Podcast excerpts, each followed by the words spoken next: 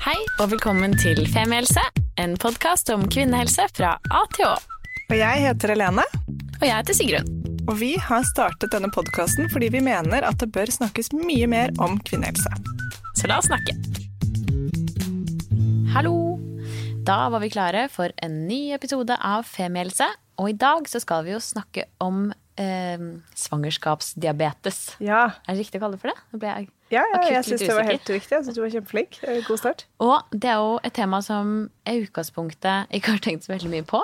For vi har jo snakket litt om dette at det er jo veldig mange som testes for det. Altså det er jo ikke noe sånn, altså Alle som blir gravid i dag, over 25, må jo deale med dette på en eller annen måte. Ja. Eller i hvert fall være borti det. Ja, da er det den fastingen og drikking av sukker, sukkerting. Nå?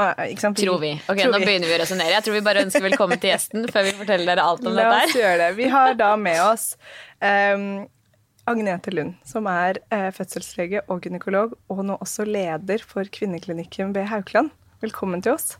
Tusen takk. Ja, Så innmari hyggelig å ha deg på besøk. Skikkelig fint. Ja.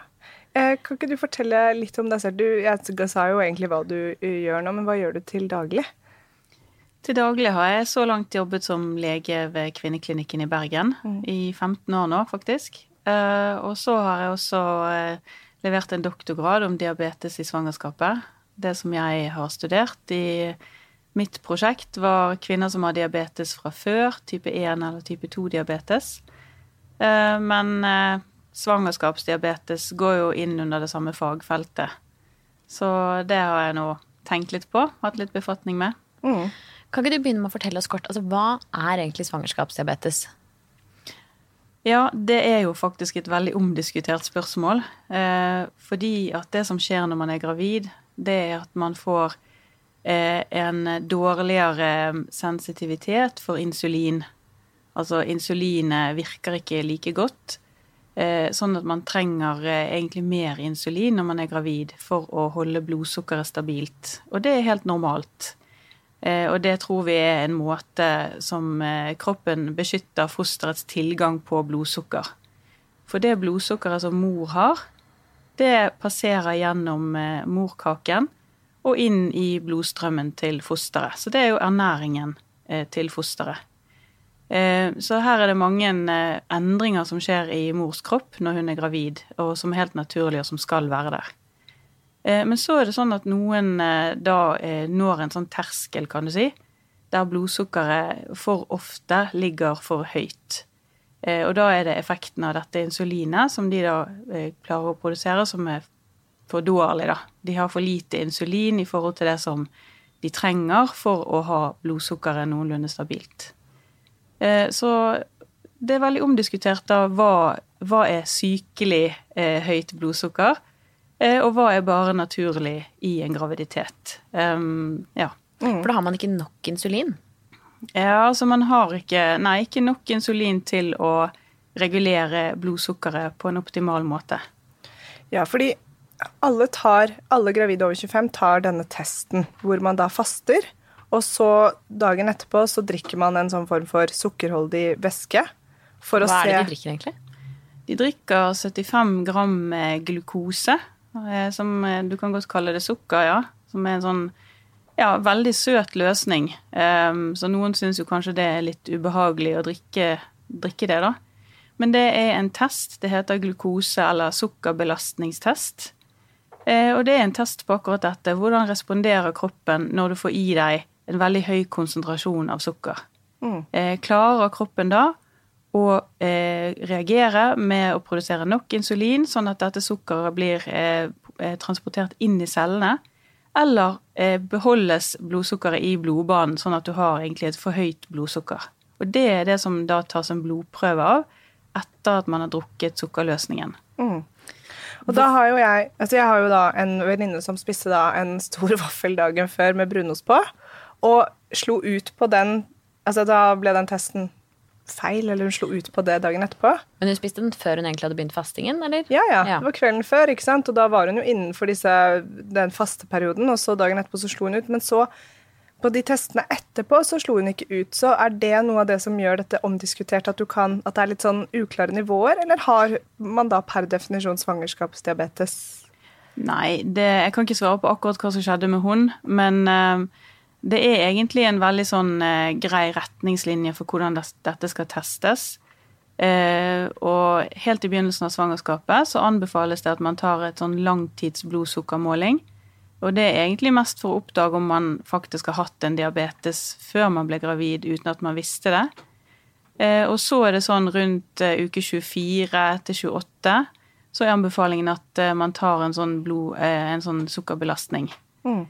Og det skal egentlig bare gjøres én gang. Så har man en positiv test, så har man fått diagnosen svangerskapsdiabetes, egentlig. Det kan selvfølgelig være noen individuelle tilfeller som legen har vurdert, men i utgangspunktet så skal man ta den testen én gang. Ja. Og det er den ene perioden av svangerskapet. Hvorfor tester man de over 25 spesifikt? Nei, det er jo fordi at eh, alder har noe å si for risiko. Så når man har eh, laget disse nye retningslinjene som kom i 2017, så har man sett på hvilke grupper er det, er, er det størst sjanse for å fange opp svangerskapsdiabetes. Og det arbeidet var et ganske sånn grundig arbeid, men veldig mange viste det seg jo eh, falt inn under det risikobildet, da. Sånn at alder, f.eks., over 25, var et kriterium for å bli testet. Eh, og det er det veldig mange som er når de blir gravide for første gang. I Norge er jo gjennomsnittsalderen for førstegangsfødende nesten 30 år, og i de store byene litt mer enn 30 år. Eh, så det er klart at det er veldig mange som da skal testes. Det har det vært litt reaksjoner på blant eh, fastlegene, blant annet. Så ja, det kan alltid diskuteres om det er for mange som blir testet. Mm. For hvis du lever som um, Du har et normalt kosthold Nå bruker jeg normalt, det er kanskje feil, men du lever liksom ganske sunt. Spiser litt smågodt av og til, men du er liksom en sunn person. Og så får du påvist Eller så hadde du fått svangerskapsdiabetes og ikke fått det påvist, da. Vi latet som at man ikke tok den testen, man stilte ikke opp og nektet å være med på testen. Hva hadde skjedd da hvis det gikk ubehandlet, men du levde normalt? Ja, det er jo et godt spørsmål. Er dette egentlig en sykdom, eller er det en tilstand? Er det farlig, eller er det bare, skaper det bare bekymring å få vite om det? Eh, det som vi vet, er at eh, de som har fått diagnosen svangerskapsdiabetes, har eh, i hvert fall fem ganger høyere risiko for å få type 2-diabetes senere i livet. Kanskje så mye som syv ganger høyere risiko for det. Så det er en spesiell gruppe som på en måte ikke har denne her insulinresponsen så den er ikke så god som hos en annen gruppe. Og det kan være for slanke kvinner, og det kan være eh, for kvinner som lever sunt også. Så konsekvensen av å ikke teste, tenker jeg at du går med en uoppdaget svangerskapsdiabetes, og du vet ikke om at du burde kanskje ha regulert blodsukkeret ditt med enkle tiltak. For de aller fleste trenger bare å endre litt på kostholdet sitt, eller trene litt mer, eller få noen sånne ganske enkle ting å forholde seg til. Det er ikke en tilstand som krever eh, medisinsk behandling for mange. Men litt enkle råd om hvordan blodsukkeret kan bli litt mer stabilt, da. Mm. Men kan det være farlig for mor og barn? Ja, det er jo noen som trenger eh, behandling med medisiner, og det er jo noen som trenger behandling med insulininjeksjoner. Ehm, så jeg vet ikke om jeg skal kalle det farlig, men det som jeg har forsket på, det er dette med blodsukkeret hos mor som overføres til fosteret, eh, og hvilke effekter det kan ha på fosteret. Eh, og det er klart at hvis mor har høyt blodsukker, så får fosteret høyt blodsukker. Og høyt blodsukker gjør at fosteret produserer insulin, for fosteret har ikke diabetes. Og insulin det er en vekstfaktor det betyr at fosteret blir stimulert til å vokse spesielt mye. Så det er særlig dette med risiko for stort barn som er den største risikoen. Og stort barn, det vet vi er forbundet med høyere keisersnittfrekvens, høyere frekvens av fødselsskader, både på mor og barn. Og eh, det er forbundet med kanskje en annen risiko for sykdom for fosteret som individ gjennom resten av livet. Så det er både et sånn korttidsperspektiv på det, at man ønsker jo ikke at fosteret skal bli stimulert til en for stor vekst i magen. Eh, man ønsker selvfølgelig ikke disse fødselskomplikasjonene. Men dette langtidsperspektivet, det er veldig interessant. Eh, det vet vi jo ikke nok om, for vi har ikke studert eh, disse fostrene når de blir 60-70 år. Sant? Men, men det er veldig mange ledende hypoteser som tyder på at det, det har en effekt på helse på lang sikt. Mm, sånn I utgangspunktet så finnes det jo to typer diabetes. Eller det er type 1 og type 2. Og type 1 så har du vel en, altså en ikke-fungerende insulinproduksjon. Og i type 2 har du kanskje en litt fungerende. Har du ikke det? Ja, altså i type 2 så er det egentlig veldig lignende det som er i svangerskapsdiabetes. Det er det at insulinet ikke har god nok effekt. Eh, god nok effekt til å regulere blodsukkeret, til å få eh, blodsukkeret til å gå inn i celler. Eh, så det heter ofte insulinresistens. Eh, og det er, ligner egentlig ganske mye på svangerskapsdiabetes og den tilstanden. Så det er nok derfor det også er forbundet med Det er en slags eh, stresstest, kan du si, på kroppen å være gravid. Eh, og får man svangerskapsdiabetes, så kan det være et tegn på at i, det, i denne kvinnen så er det eh, sånn at hun kan ha høyere risiko for type 2-diabetes seinere. Er det mange som tar med seg eller få med seg diabetesen videre etter svangerskapet av kvinnene som opplever det? Nei, altså det er ikke så veldig vanlig å ha diagnosen eh, type 2-diabetes etterpå. Altså at du fortsetter å ha diabetes rett etter svangerskapet. De aller fleste blir friske da, eller har ikke denne tilstanden lenger. Men som sagt, risikoen på sikt når de blir kanskje 40-50-60 år for type 2-diabetes er betydelig forhøyet. Og det tenker jeg er en sånn det er veldig viktig at vi bruker eh, svangerskapet som en gyllen anledning til å gi kvinnen helseinformasjon. Eh, for det første vil hun kunne lære seg kostholdstiltak som regulerer blodsukker, fordi hun får diagnosen svangerskapsdiabetes. Hvis vi er heldige, så kan det hende en hel familie endrer litt på sin livsstil, ikke sant? Eh, og kanskje til og med hindrer at hun får type 2-diabetes seinere i livet, som jo er en alvorlig tilstand, og som vi har en epidemi av i den vestlige verden. Mm.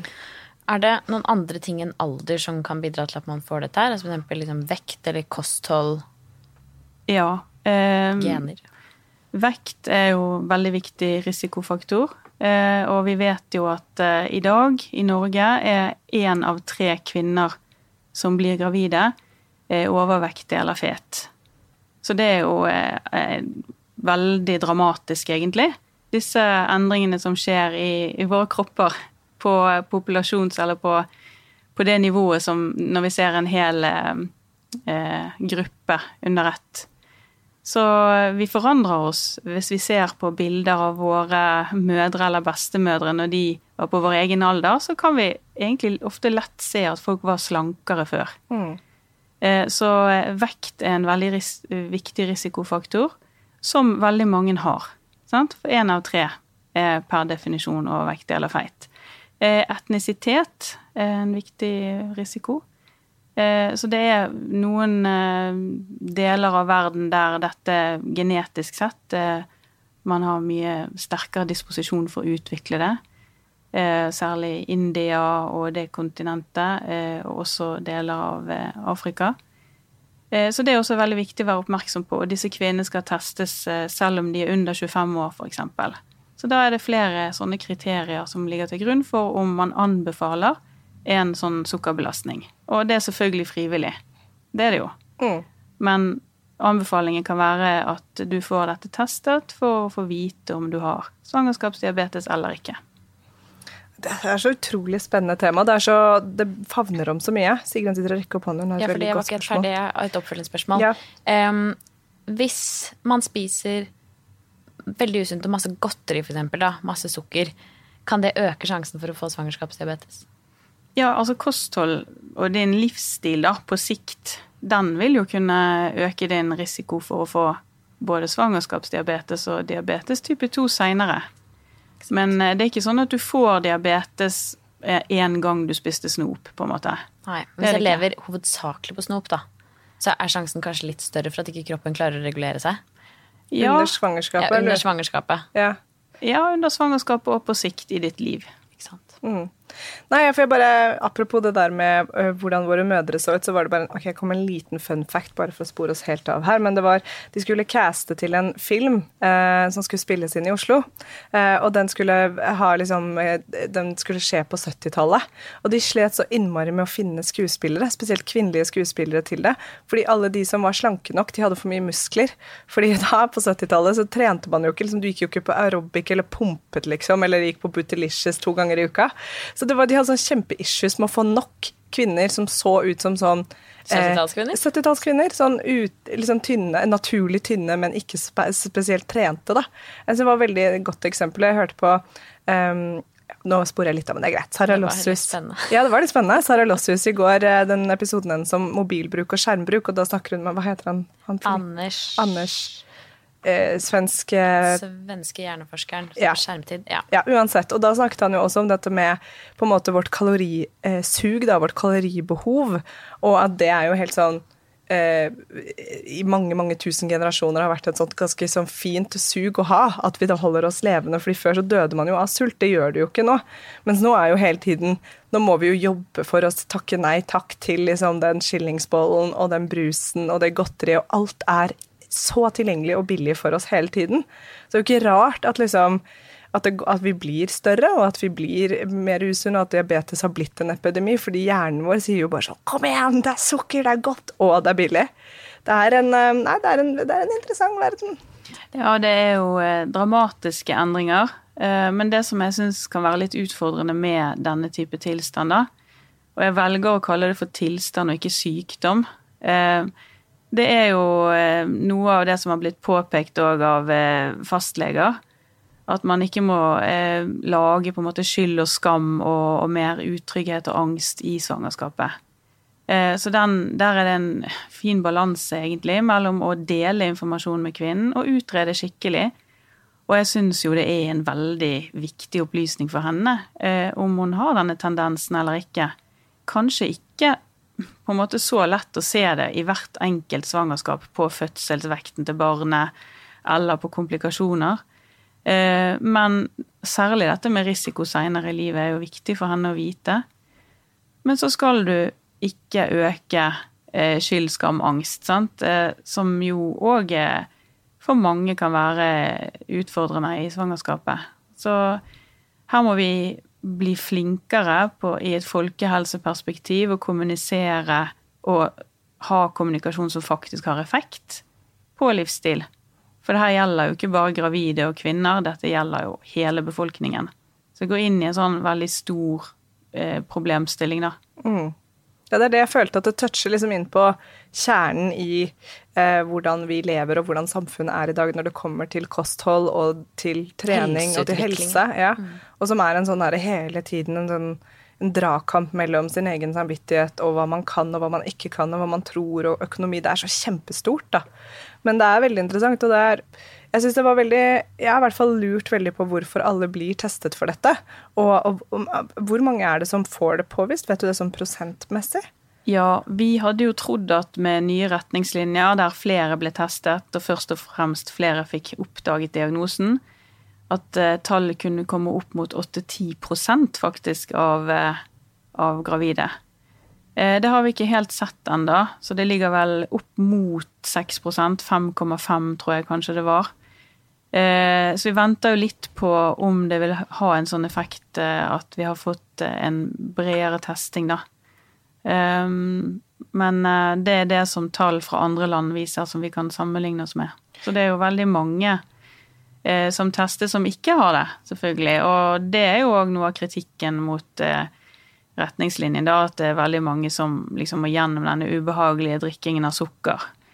Um, ja, det kan man jo diskutere, men det er som sagt frivillig. Mm. Ja, ikke sant? Ja, for det er ubehagelig, men det er også en test, og så går man og venter, eller du venter jo ikke så lenge, men liksom, de jeg kjenner som har vært gravide og tatt testen, er jo veldig spente. Så herregud, tenk om jeg har svangerskapsdiabetes. Jeg føler meg jo så sunn og frisk, men jeg har jo, har jo spist my fair share of smågodt. Men det er liksom det, virker som at det er en sånn at det, De som tar testen, er ofte liksom bekymret, eller sånn spente i hvert fall, på hva utfallet kommer til å bli. Ja, og der har du jo litt av det der eh, skyld og skam-greiene, sant. Og kanskje vi har litt sånn kultur for at vi skal være flinke flinke. Skal hele tiden være så flinke til alt og eh, Ja. Vi har gjort en studie eh, og sett på hvordan kvinner oppsøker informasjon om svangerskapsdiabetes. Og ser jo at kvinner har stort informasjonsbehov, eh, og at vi ikke klarer å møte det informasjonsbehovet i helsetjenesten. For det er ofte raskt inn og ut igjen av legekontoret, ikke sant. Og kanskje går man litt og venter på et resultat, og så får man faktisk i mange tilfeller svar bare på en tekstmelding. Som er litt sånn eh, Ja, det er vanskelig å ha innsikt i dette her, da. Til å føle seg trygg nok. Eh, så vi har nok en vei å gå fra helsevesenet sin side og dele informasjon på en god måte. Det som dere gjør nå, er jo veldig fint. Eh, at man kan lytte til en podkast og kanskje lære litt mer der. Eh, og vi prøver å utvikle nye måter å, å informere kvinnene, sånn at de ikke trenger å bekymre seg så mye, men mer liksom føle en trygghet når de får en sånn type utredning, da. For hvis man får diagnosen, så får man god oppfølging, får man ikke det? Jeg håper det. Ja. Men, det blir, man blir i eh, hvert fall fulgt opp på altså når det kommer til blodsukker og kosthold og hvordan du lever da resten av svangerskapet, hvordan du har det. Optimalt sett så skulle man jo få en eh, god oppfølging som da kanskje kunne føre til type livsstils, varig livsstilsendring. Det hadde jo vært det beste, men det, vi kommer nok til kort av og til der. Så det blir mange spørsmål sant? hvis man har fått diagnosen, og så får du et blodsukker som er så og så høyt. Det ser vi veldig mye på i den studien som vi har gjort på hva kvinner lurer på. Sant? De sitter om kvelden og lurer på Oi, nå fikk jeg dette blod, blodsukkeret. Hva skal jeg gjøre nå? Hvorfor ble det sånn? Så de er faktisk nødt til å lære utrolig mye om sin egen kropp og sin egen respons på den maten de spiser. Eh, sånn sett er det jo veldig lærerikt. For det, de ser at hvis jeg spiser poteter, så fyker blodsukkeret i været. Men hvis jeg spiser eh, altså grove kornprodukter, så går det bedre. Hvis jeg går en tur rett etter et måltid, så kan jeg regulere det uten medisiner. Så det, det er egentlig eh, en gyllen anledning da, til å lære veldig mye om eh, fysiologi, faktisk. Men også ganske krevende. Og jeg Veldig. tenker mange som er gravide, de skal lære seg ganske mye i utgangspunktet om liksom hva er det som skjer nå, og alt det som kommer. Så det er liksom enda noe på toppen av det. Men eh, jeg, jeg Man er i hvert fall i modus, da. man er i modus er i for å modus lære, og for for å å, passe gjøre det beste for seg sjæl og for Ja. barnet. Men eh, ja, det høres jo også krevende ut. Sikkert for mange. Altså, det er jo en situasjon som på en helt annen måte krever en innsats enn å i gåseøyne bare være gravid. Så det er helt klart. Altså, her har man jobb å gjøre. Mm. Det Og høres er ut en jobb som er verdt å gjøre, da. abs ja, enig. Og men er det sånn at det er noen andre ting som skjer? Er det sånn at du f.eks. ikke kan gå over termin, har jeg hørt? Stemmer det? At du liksom, hvis du kommer til termin, så må du settes i gang? Du kan ikke um, Og har det noe med keisersnitt, eller er det sånn at det liksom som regel er Så lenge du regulerer det og holder det i sjakk, så er det ikke noe Så har du ikke en annerledes graviditet? Altså, det blir på ingen måte automatisk keisersnitt, eh, men det er klart at mot slutten av svangerskapet så er det en annen type oppfølging. Eh, og da vil det være naturlig eh, rundt termin å gjøre en individuell vurdering av fosterveksten og svangerskapsutviklingen og behovet for medisiner og, og hvordan hele svangerskapet har vært da. Det kan jo komme tilleggsfaktorer i tillegg til svangerskapsdiabetesen. Eh, så eh, det kan nok være litt ulike rutiner på ulike sykehus for akkurat liksom dato i forhold til å sette i gang fødsel, hvis det ikke har skjedd av seg selv. Eh, og jeg har ikke noe fasitsvar på akkurat når det må skje. Nei. Men man skal ha en annen, eh, et annet kontrollopplegg da mot når det nærmer seg termin. Mm. Det kommer vel sikkert litt an fra person til person, da. Når man settes i gang, eventuelt. Ja, det er jo en spesialistvurdering, da. Ikke sant? Mm. Så der skal man ha, eh, få god oppfølging og trygg oppfølging i forhold til det. Så bra. Skal vi prøve oss litt på en oppsummering, eller er det noe mer vi burde spørre om før vi begynner med det? Nei, jeg kan få lov å reklamere for noe, kanskje. I vei. Ja, det er noe som vi har laget for de som har svangerskapsdiabetes, et innovasjonsprosjekt som jeg er med i. Eh, Det er en chatbot, som det heter. En sånn eh, automatisk eh, svar, slags robot, som skal prøve å i hvert fall ha en kunstig intelligens, da. Men bak dette her så sitter det jordmødre og jeg selv som fagperson og utvikler svar på spørsmål som kvinner har om svangerskapsdiabetes. Så det kan være alt fra store spørsmål til mer sånn hva gjør en når blodsukkeret er akkurat så og så høyt eller så og så lavt. Eh, og den kan man finne hvis man googler 'spør Dina'. Spør Og- Dina. Ja, Spør og Dina, Okay. Chatboten heter Dina. Mm. Eh, Det kommer en ny versjon i løpet av høsten som er mye finere, og en app, men foreløpig er det ikke en app, så da må man gå inn eh, i en vanlig nettsøk og, og søke 'Spør Dina'. Og kan bruke den til å stille spørsmål om svangerskapsdiabetes. Så utrolig kult. Ja, okay. fint. Det Når må vi vi- deler ja. denne episoden, så skal vi legge ved link til Spør Dina. Ja, Ja. det skal vi huske på. Det er skikkelig fint. Ja, veldig. Så bra. Så bra. Ok, skal jeg prøve meg denne gangen? Veldig gjerne. Ja.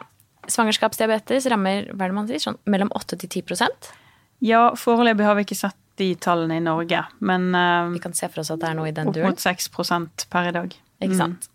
Og alle kvinner over 25 testes for dette ved at de utsettes for en glukosebelastningstest, som betyr at de må drikke en sukkerløsning. De tilbys en Ja, sukkerbelastning. De, de tvinges ikke til å gjøre det. Nei, ok. Og da ser man hvordan blodsukkeret responderer på det. Mm. Og hvis man slår ut på dette, at ikke liksom kroppens naturlige insulin klarer å regulere det, så får man diagnosen ganske raskt. Eh, og for veldig mange så holder det da å regulere med kosthold. Mm. Men noen må kanskje også hjelpes med medisiner, eller med insulin. Ja, så da får de på en måte en periode der de eh, eh, stikker seg i fingeren og måler blodsukkeret på spesielle tidspunkt i forhold til måltider. Eh, og når de har gjort det hjemme over noe tid, så vil man se hvordan blodsukkeret ligger, og se om det er nok å gjøre kostholdstiltak, eller om det trengs medisiner. Ikke sant.